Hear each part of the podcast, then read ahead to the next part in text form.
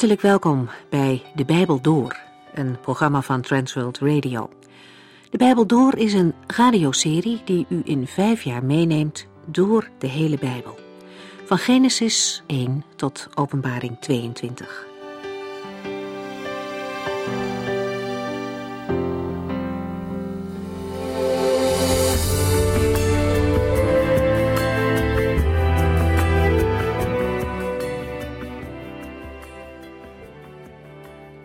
Basis voor deze programma's zijn de Bijbelstudies van dominee Vernon McGee. Deze serie is een systematische methode om de Bijbel in vijf jaar tijd helemaal door te gaan. Transworld Radio heeft de Bijbelstudies bewerkt tot uitzendingen in het Nederlands. En we hopen en bidden dat u door te luisteren naar dit programma gezegend zult worden en vooral ook meer van Gods Woord zult gaan begrijpen. Na de eerste inleidende programma's maken we vandaag een begin met Genesis 1. Het is aan te raden om een Bijbel bij de hand te houden, zodat u de teksten die gelezen worden mee kunt lezen. En wanneer u niet in het bezit van een eigen Bijbel bent, dan kunt u een exemplaar bij ons aanvragen. Dat geldt trouwens ook voor de tekst van de uitzendingen. Mocht u een eerdere aflevering van de Bijbel door willen beluisteren, dan kunt u de tekst op internet downloaden of telefonisch aanvragen. En aan het eind van de uitzending noem ik u alle adresgegevens. Vandaag zijn we toe aan de vijfde uitzending. Het eerste Bijbelboek opent met het verhaal van het begin, de oorsprong van hemel en aarde en van alles wat leeft, planten, dieren en natuurlijk ook de eerste mensen. Het is een ontwerp dat in onze tijd nogal wat vragen oproept. De vragen naar het ontstaan van het leven en de aarde hebben al tot veel felle discussies geleid. Zijn die zes dagen die in Genesis genoemd worden letterlijke dagen? Geeft de Bijbel ruimte voor de evolutiegedachte? Ook op deze zaken gaan we verder in. En bij dit alles gaan we ervan uit dat de Bijbel een betrouwbaar boek is, waarin de woorden van de levende God staan opgetekend.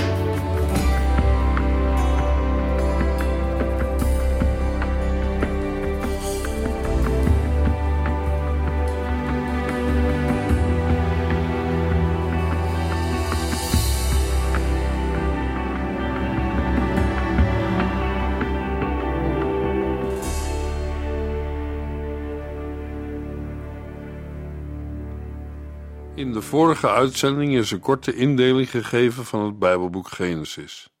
We zagen dat de eerste elf hoofdstukken één geheel vormen. Vanaf hoofdstuk 12 tot het einde van Genesis onderscheiden we een ander deel. Het eerste deel begint bij de schepping en gaat tot de geschiedenis van Abraham.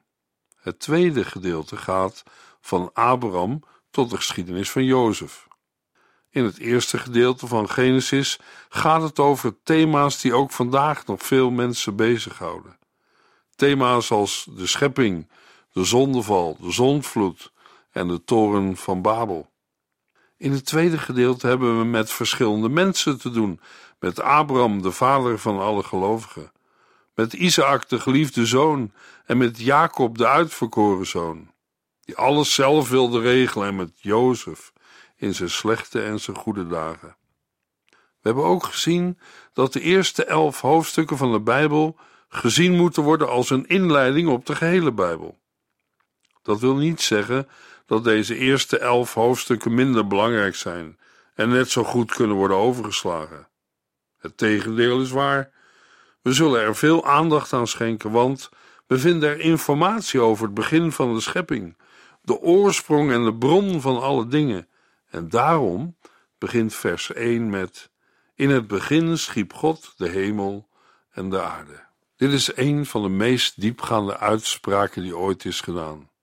Toch is het een uitspraak die in onze tijd veel vragen oproept. Ik denk dat dit vers alles zegt van de schepping waarin wij leven. Met uitzondering, zoals we zullen ontdekken, van de schepping van de mens en de dieren, later in het boek Genesis. Maar dit is de geschiedenis van de schepping. En ik geef toe dat het een heel kort verhaal is. Juist dat is iets om even bij stil te staan. God doet verslag van de schepping. En hij doet dat in één regel. Interessant om ons af te vragen: waarom? Wat is Gods bedoeling met dit speciale verslag? Is er een bijzonder doel?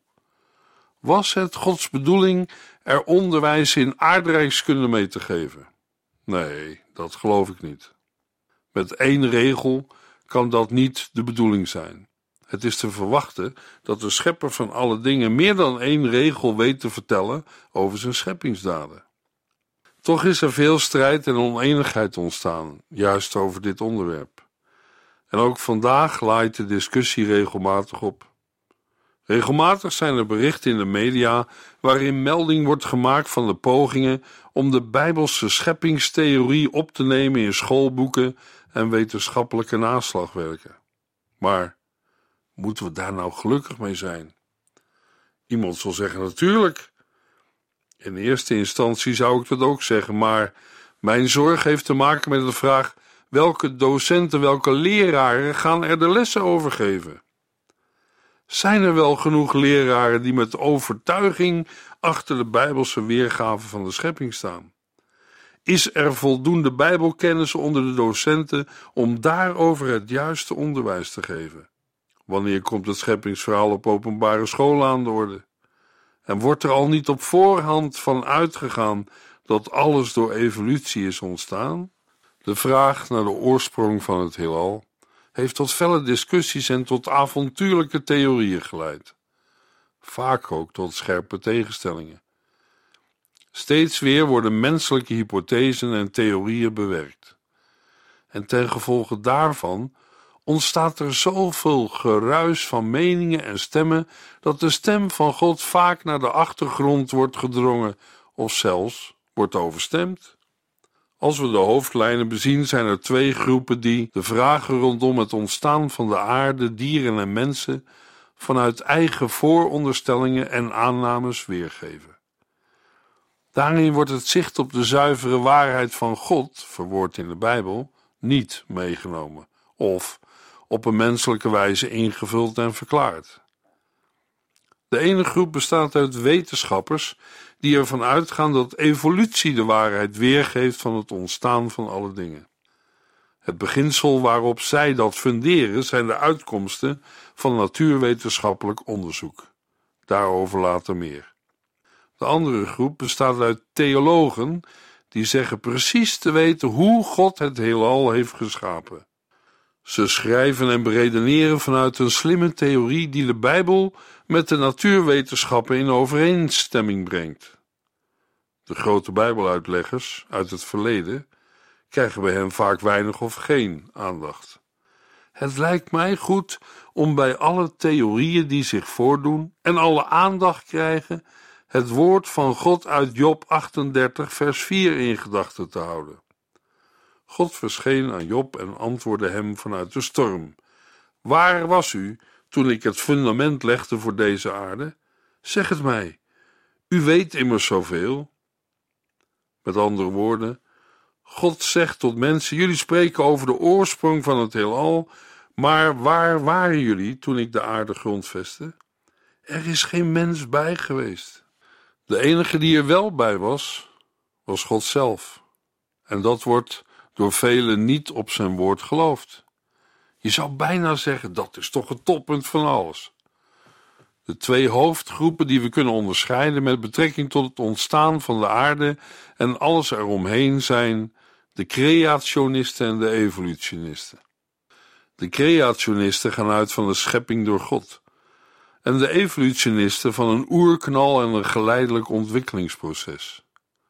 Alle soorten theorieën die met betrekking tot de wording van hemel en aarde bestaan, vallen in een van deze beide hoofdgroepen. De evolutietheorie is samengesteld uit verschillende theorieën. Vermaarde wetenschappers hebben de theorie verdedigd en andere bestreden. Naar mijn mening kan men evolutie als wordingsproces van hemel en aarde niet als vaststaand feit aannemen in de zin van 2 plus 2 is 4. Ja, maar, zal iemand zeggen, dat kun je van het scheppingsbericht uit Genesis 1 ook zeggen. Ja, dat is zo. Maar er is wel verschil. Als een mens niet vijandig staat tegenover de tekst uit Genesis, dan gaat het om een kort verslag van de schepper zelf over het ontstaan van de aarde en de hemel. Geloof ik de schepper op zijn woord? Als een mens dat niet doet, maakt hij God tot een leugenaar. En in de meeste gevallen komt dan de evolutietheorie goed uit, want daarin wordt vaak niet gerekend met God. Laten we samen eens stilstaan bij wat de schrijver aan de Hebreeën zegt in Hebreeën 11, vers 1 tot en met 3. Wat is geloof? Het is de zekerheid dat onze hoop ook werkelijkheid wordt, en het is overtuigd zijn van het bestaan van de dingen die je niet ziet. Vroeger hebben vele mensen vanuit dit geloof geleefd. Ze zijn ook door hun geloof bekend geworden. Door het geloof weten wij dat het heelal door een woord van God gemaakt is, dat het zichtbare uit het onzichtbare is voortgekomen. Dat is het antwoord op het grote probleem. Hoe ontstond het iets uit het niets? Eigenlijk zijn er dan maar twee mogelijkheden. Of je gelooft God op zijn woord, omdat Hij de schepper is en uit niets iets tot aanzijn heeft geroepen, wat we hebben gelezen uit de Bijbel. Of je gelooft in een aantal vooronderstellingen die je zelf of anderen hebben bedacht, en in beide gevallen gaat het om geloven. Vooronderstellingen zijn dingen die je vooraf aanneemt en van waaruit je tot een bepaald model of opvatting komt. Alleen met vooronderstellingen kun je er ook helemaal naast zitten. Ze kunnen ook zeer onwetenschappelijk zijn. Laten we een paar theorieën over het ontstaan van de wereld eens wat beter bekijken. Er zijn er die ons vertellen dat we de wetenschappelijke bewijzen moeten aanvaarden. En dan zou ik vragen: waar hebben we het over? Wat zijn de wetenschappelijke bewijzen? Over welke wetenschappen gaat het? In 1806 zei een Franse professor dat er binnen zijn instituut niet minder dan 80 geologische theorieën waren die in strijd waren met de Bijbel. Maar niet één daarvan heeft tot op heden stand gehouden. Mozes werd als mens door God gebruikt om het boek Genesis op te schrijven. Ik denk dat hij over al de onrust omtrent de schepping zijn wenkbrauwen zou fronsen. Misschien zou hij ook lachen. Mozes heeft nooit de bedoeling gehad een wetenschappelijke verklaring over de schepping van alle dingen op te schrijven. God heeft het hem ook niet zo ingegeven. Dat blijkt uit de tekst van Genesis 1. De zendeling en apostel uit het Nieuwe Testament, Paulus, deelt ons mee wat het doel van het woord van God, de Bijbel, is. Alles in de boeken is door God geïnspireerd en is nuttig om ons de waarheid te leren en ons te wijzen op wat er aan ons leven en geloof nog markeert. Het zet ons leven op orde en helpt ons in te zien wat juist en goed is. 2 Timotheus 3, vers 16 en 17. Het doel van de Bijbel is onderwijzing in de waarheid van God. De Bijbel werd niet geschreven als onderwijs in aardrijkskunde of biologie. De Bijbel werd opgeschreven om ons God te openbaren en onze relatie tot Hem te verklaren. Ze werd geschreven om ons duidelijk te maken wat God van de mens verwacht en wat de mens moet doen om gered te worden. Dat kunnen we boven het eerste deel van het boek Genesis schrijven. Wat denkt u? Als God in het Bijbelboek Genesis een wetenschappelijke uiteenzetting had gegeven over de schepping, Hoeveel mensen in Mozes' tijd zouden dat dan hebben begrepen? En hoeveel mensen in onze tijd? Wij moeten ons realiseren dat de Bijbel niet alleen voor geleerden en wetenschappers werd geschreven, maar ook voor gewone mensen van elke leeftijd en uit ieder land. Als het was geschreven in wetenschappelijke taal, uit de tijd van Mozes, zou het zeker niet zijn geaccepteerd. Laten we nu ingaan op een aantal oplossingen die gegeven zijn als antwoorden op de vragen naar het ontstaan van het universum. De eerste oplossing is dat het alleen een denkbeeld is. Het ontstaan van een universum bestaat niet, het is een illusie. Maar dat is toch in tegenspraak met de werkelijkheid. Toch zijn er mensen die dit standpunt aanhangen. Anderen geloven dat het heelal uit niets spontaan is ontstaan. En weer anderen zeggen dat het heelal geen begin heeft gehad, maar altijd al heeft bestaan. En tenslotte een vierde opvatting, en deze opvatting gaat uit van de schepping van het heelal. Daaruit zijn verschillende theorieën ontstaan, waarmee verschillende mensen proberen de oorsprong van het universum te verklaren. Ik noem een paar theorieën die in de loop der jaren steeds meer ingang hebben gevonden. Een uitspraak van een bekende wetenschapper uit Harvard, Dr. Shapley. We zijn nog niet erg ver gevorderd in de wetenschap als het gaat over de oorsprong van de aarde.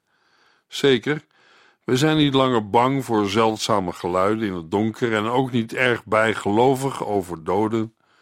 Bij veel gelegenheden zijn we zelfs heldhaftig rationeel. Desondanks beseffen wij dat het onbekende verder reikt dan de wetenschap. Met andere woorden, we tasten nog steeds volledig in het donker over de oorsprong van de aarde waarop wij leven. Een andere wetenschapper, Dr. IJsselie, gaf als antwoord op een vraag over het ontstaan van de materie: Wij weten niet meer over de materie en over haar ontstaan dan over geestelijke zaken. En daarom denk ik, op basis van de huidige stand van de wetenschap, dat het niet verstandig is te zeggen dat het ene het andere uitsluit. Het heelal schijnt te zijn ontstaan uit een opeenvolging van onvoorziene gebeurtenissen. Dat de mens en al de andere levende wezens zich in de tijd hebben ontwikkeld en veranderd zijn, is niet te ontkennen. Maar wat er achter en onder deze zichtbare verschijnselen ligt, dat weten we niet. Ik zou willen dat ik de vraag kon beantwoorden. Het is voor mij en u niet zinvol mijn onwetendheid met mooie of ingewikkelde woorden te verbloemen. Een oud krantenartikel beweerde dat binnenkort het mysterie van de oorsprong van de wereld zal worden ontdekt. Maar sinds het werd gepubliceerd, hebben we er niets meer over gehoord.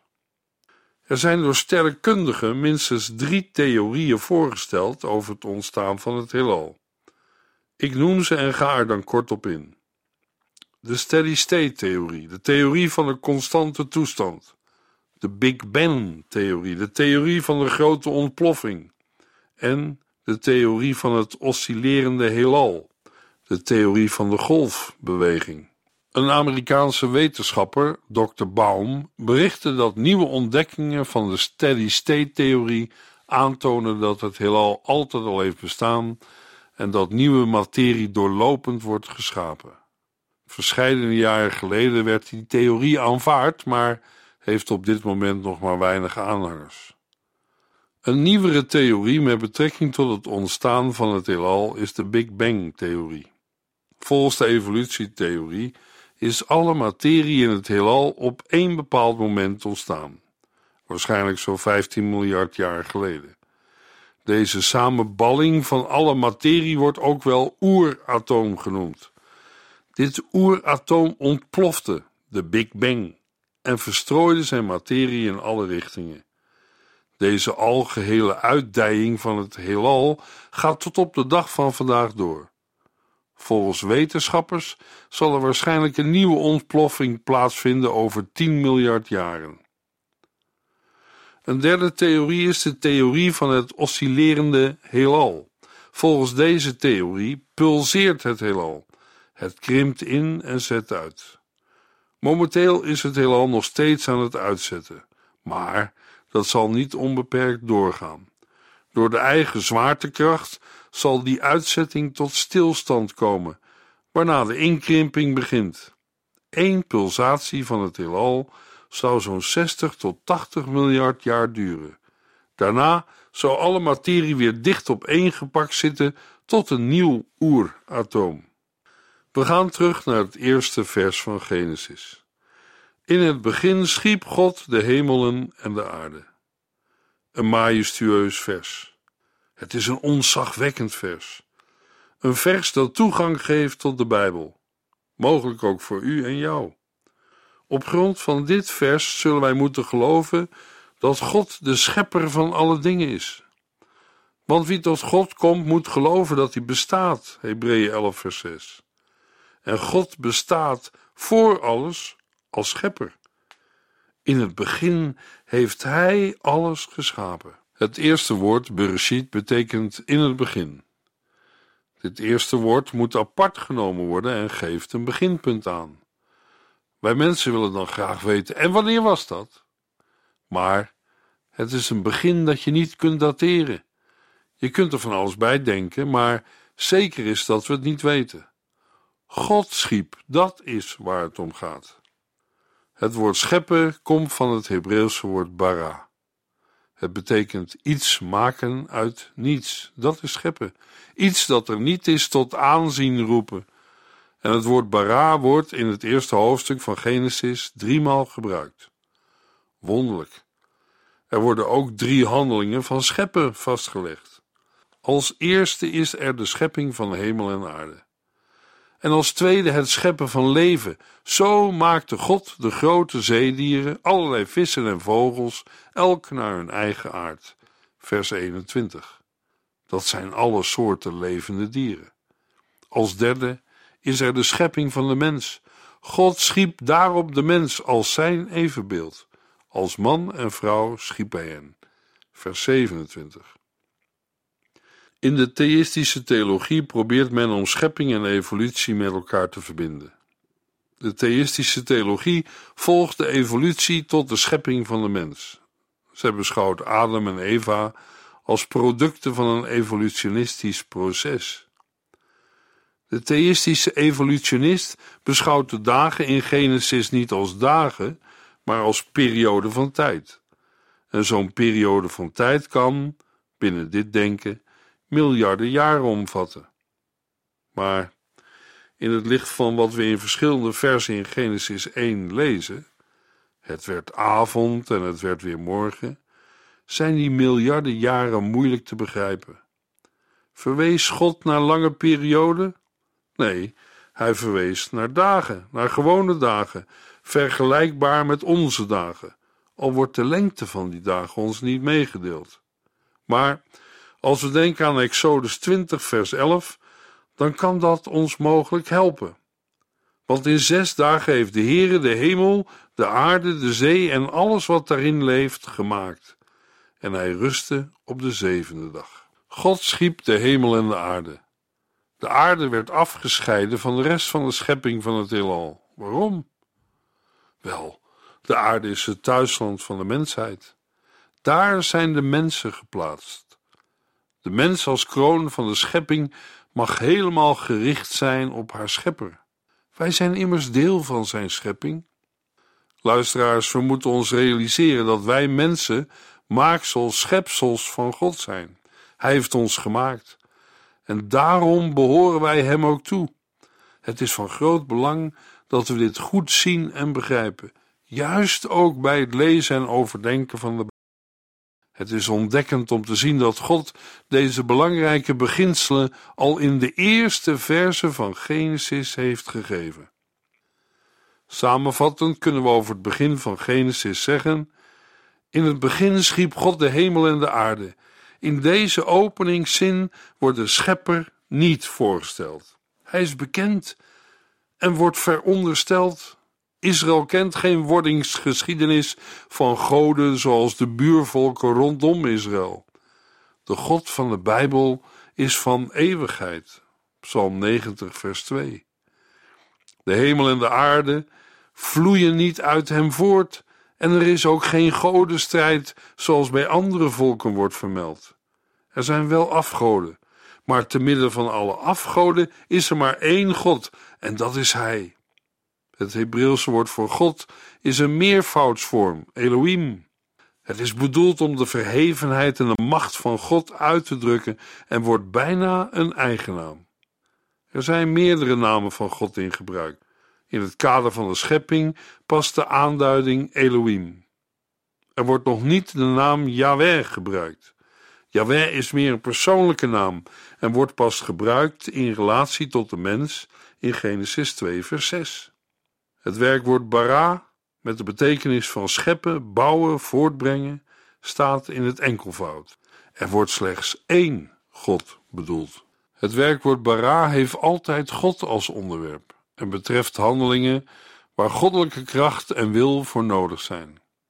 Er is geen materiaal voorhanden waaruit gemaakt kan worden. Het spreken van God is genoeg om het gewenste tevoorschijn te brengen. In Psalm 33 lezen we over het spreken van God. In vers 6: De hemelen werden door het woord van de Heere gemaakt. Alles wat erin is, ontstond door zijn adem. En vers 9: Want God sprak en toen was het er. Op zijn gebod stond alles er. En vers 14 en 15: Vanuit zijn woning kijkt hij naar de bewoners op aarde. Hij die hen zelf heeft gemaakt, weet precies waarom zij doen wat ze doen. Zo zijn hemel en aarde ontstaan door het spreken van God. Hij overlegt en spreekt. Zo kan hij ook een relatie aangaan met de mens. Luisteraar, ook met u en met jou wil de levende God een relatie aangaan. Wilt u dat ook?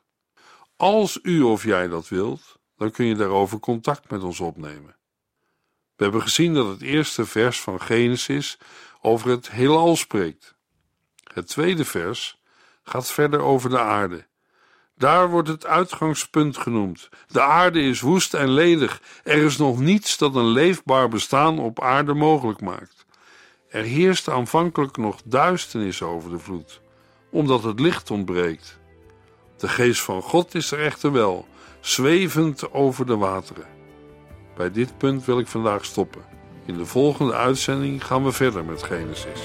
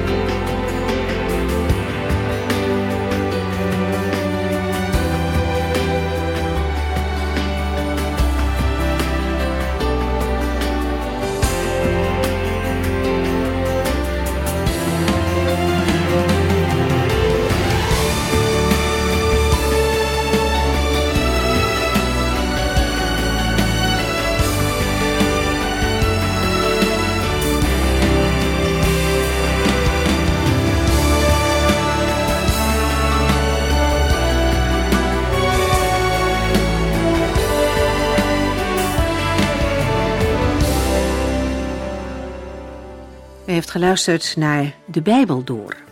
In het Nederlands vertaald en bewerkt door Transworld Radio.